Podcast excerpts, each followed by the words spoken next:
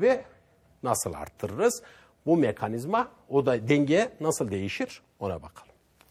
Şimdi arkadaşlar denge düzeyinin değişmesi için bizim bilmemiz gereken bir şey vardır. Efektif talebin bileşenlerini tekrar hatırlayalım. Neydi bunlar arkadaşlar?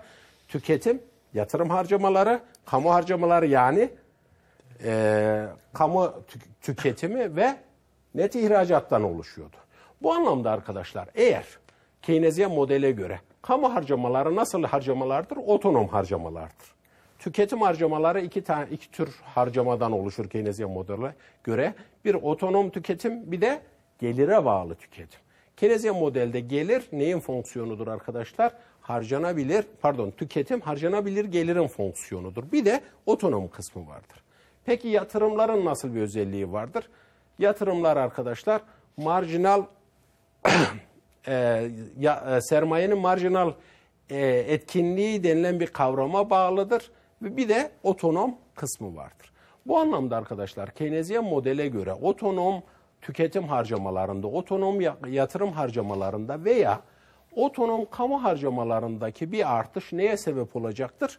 Toplam talebin yani efektif talebin artışına sebep olacaktır ki bu da denge gelir düzeyinin artmasına sebep olacaktır.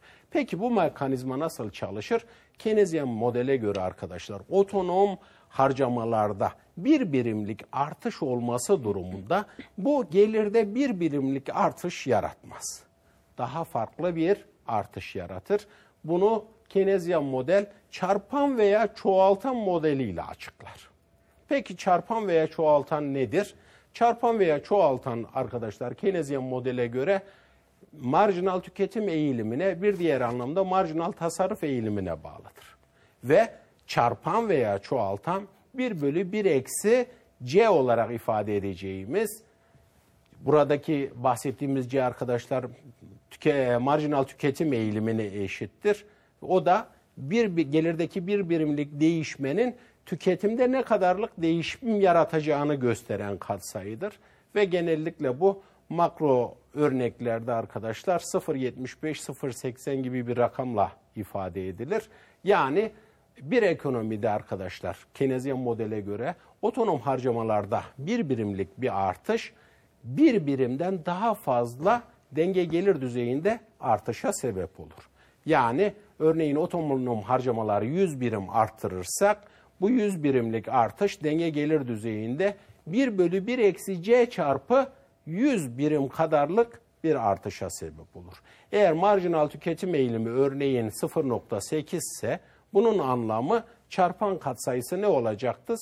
5 olacaktır değil mi? 1 bölü 1 eksi c'den 5'e eşit olacaktır ki Keynesian modele göre basit, basit çarpım modeline göre 100, bir, 100 birimlik bir otonom harcamalardaki artış denge çıktı düzeyinde 500 birimlik bir artışa sebep olacaktır.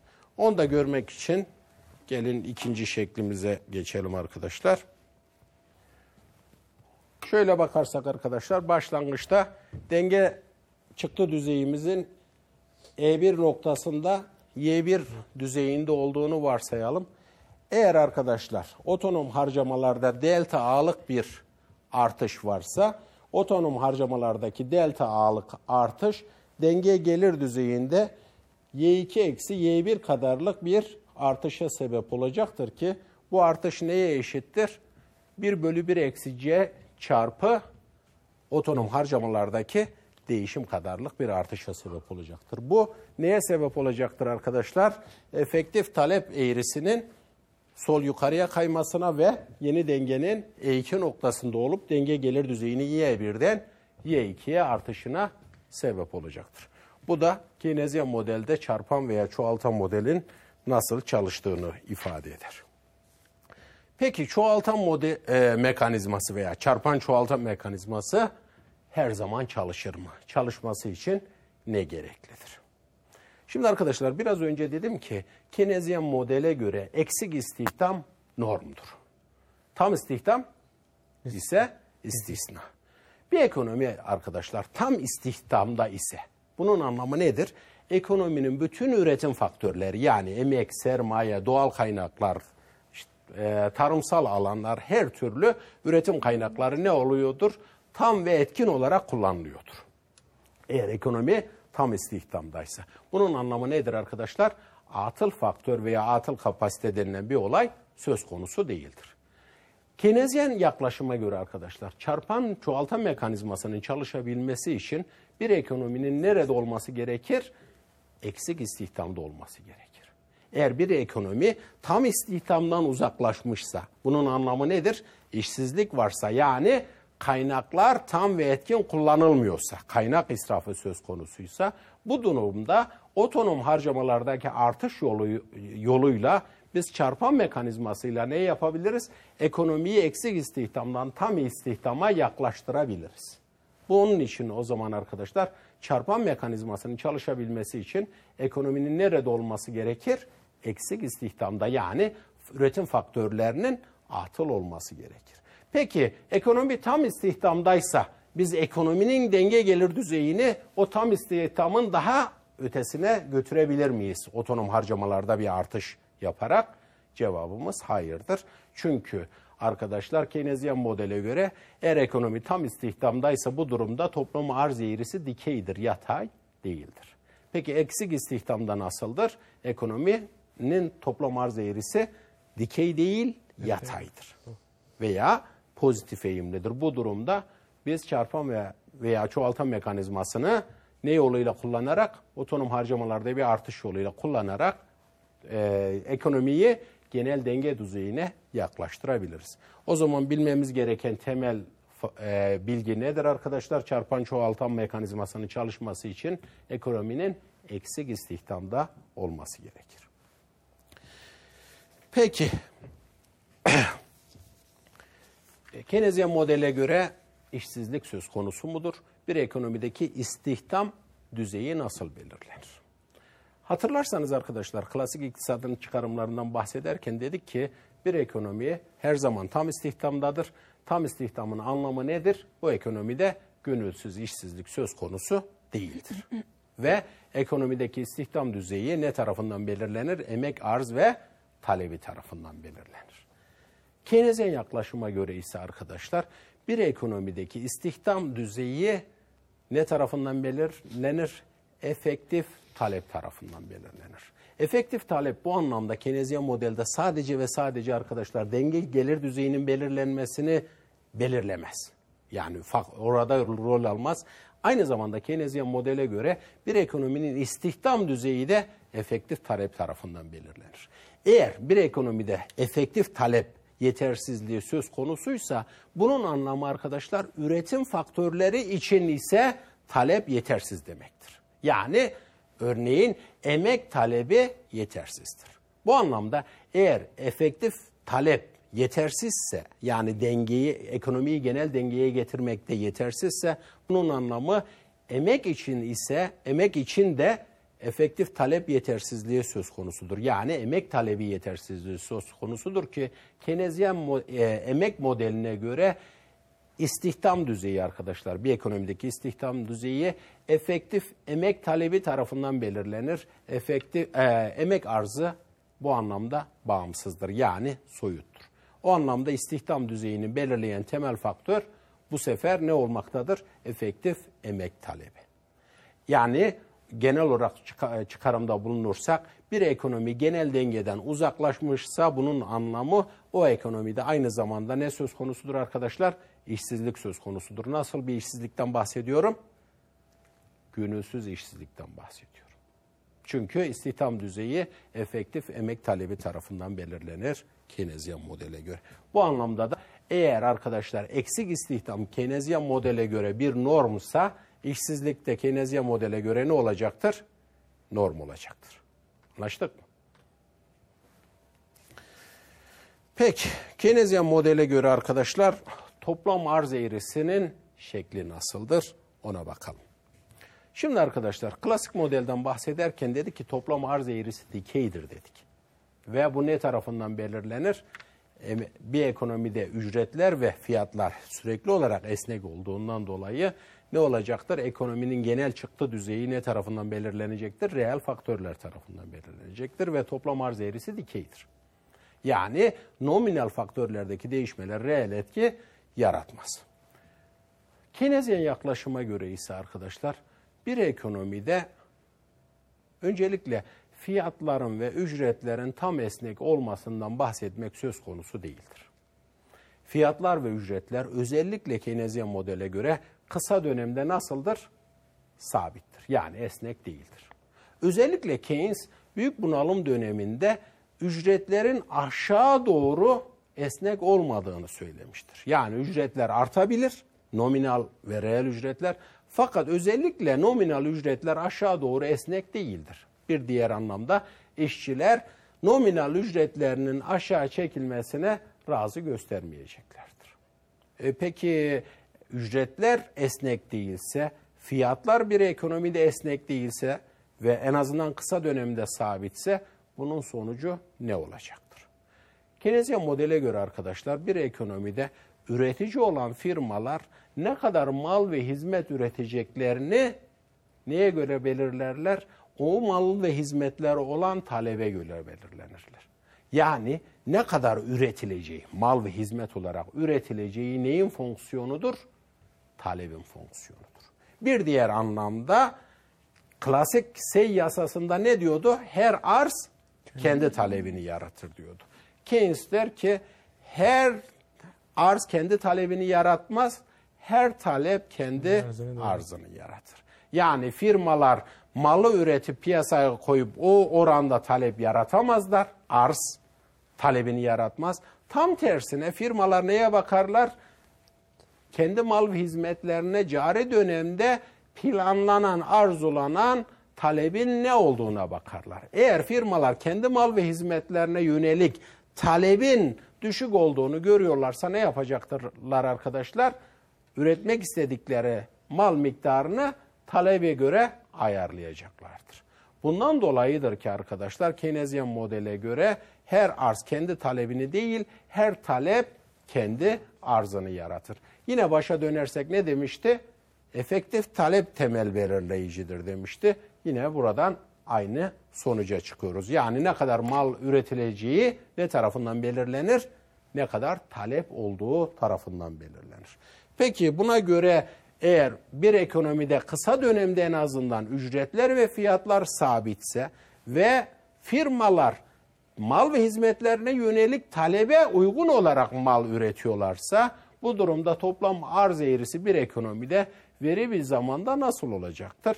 Keynes'e göre bunun cevabı toplam arz eğrisinin kısa dönemde ne olacağıdır arkadaşlar? Dikey değil de yatay yani horizontal olacaktır. Onu da ifade edelim arkadaşlar şeklimizle.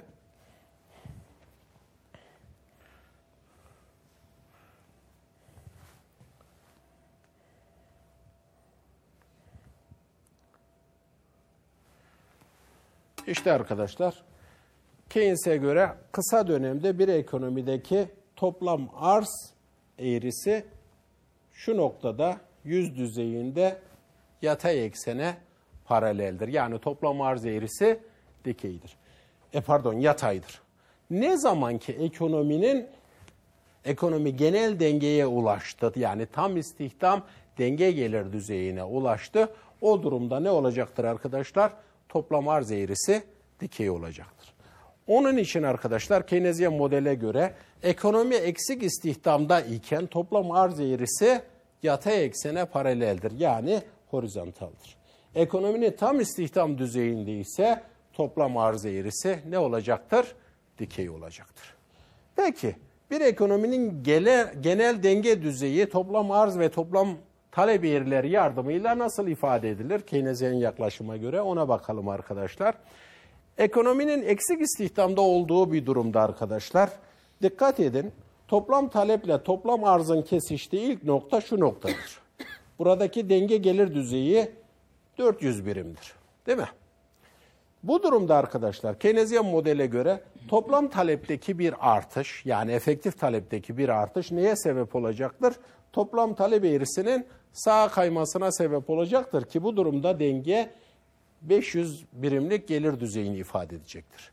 Peki ekonomi tam istihdama ulaştıktan sonra yani toplam arz eğrisi dikey olduktan sonra biz toplam talebi arttırmaya gidersek örneğin kamu harcamalarını o düzeyden sonra arttırmaya kalkışırsak veya Merkez Bankası yoluyla para arzını arttırıp toplam talebi arttırmaya kalkışırsak ki bunun anlamı toplam talep eğrimiz AD3 olacaktır. Bu durumda denge gelir düzeyinde bir değişiklik olacak mıdır? Dikkat ederseniz denge gelir düzeyi hala 500'dür. Yani reel gelir düzeyinde bir artış olmamaktadır. Bu durumda ne değişmektedir arkadaşlar? Sadece fiyatlar genel düzey. Bunun için arkadaşlar dikkat ederseniz toplam arz eğrisi eğer dikeyse toplam talepteki artışlar neye sebep olmaktadır? Gelir düzeyinde değişikliğe sebep olmazken sadece fiyatlar genel düzeyinin artışına sebep olmaktadır. Bu hangi durumda söz konusudur? Ekonomi tam istihdamda iken söz konusudur. Ama ekonomi tam istihdamda değil de eksik istihdamdayken toplam talepteki artışlar neye sebep olmaktadır? Reel gelir düzeyinde artışa sebep olmaktadır. Bunun anlamı arkadaşlar Keynesyen modele göre toplam talepteki artışlar reel etki yaratabilir. Hangi durumda? Eğer ekonomi eksik istihdam durumunda ise yani toplam arz eğrisi yatay ise. Tamam. Son bir konumuz var arkadaşlar. Keynesian modele göre devletin rolü. Ekonomideki devletin rolü. Şimdi klasik yaklaşıma göre neydi arkadaşlar? Bir ekonomi genel dengededir sürekli olarak. Bir ekonomi genel dengede ise yani tam istihdamdaysa bunun anlamı nedir? Ekonomide herhangi bir sorun yoktur. Ekonomi tam ve etkin olarak çalışmaktadır. Peki ekonomi tam ve etkin olarak çalışıyorsa yani ekonomide bir hastalık söz konusu değilse siz o ekonomiye müdahale etmeye ihtiyaç duyar mısınız? Cevabımız Hayır. hayır. Onun için klasik iktisatçılar demiştir ki ekonomiye devletin müdahale etmesine gerek yoktur çünkü ekonomi tam istihdamda. E peki siz Keynesyen yaklaşıma inanıyorsanız, yani Keynesyen yaklaşım doğruysa, bir diğer anlamda ekonomi eksik istihdam koşullarında çalışıyorsa, bu anlamda devletin ekonomiye müdahalesi söz konusu mudur, gerekli midir? Cevap Keynesyen yaklaşıma göre evettir. Ekonominin ne dedik arkadaşlar? Eksik istihdamda çalışması bir normdur dedik Keynesyen yaklaşıma göre. istisna değildir. Peki o durumda devletin rolü nedir? Devletin rolü olmazsa olmazdır. Keynesian yaklaşıma göre devlet kamu harcamaları yoluyla efektif talebi arttırmak yoluyla neye sebep olur arkadaşlar? Denge gelir düzeyinin tam istihdam düzeyine yaklaşmasına önemli ölçüde katkıda bulunabilir. Bu arkadaşlar eski dönemlerde. Şimdi Keynesyen iktisat deyince aklımıza bizim bir çeşit Keynesyen iktisat gelmiyor.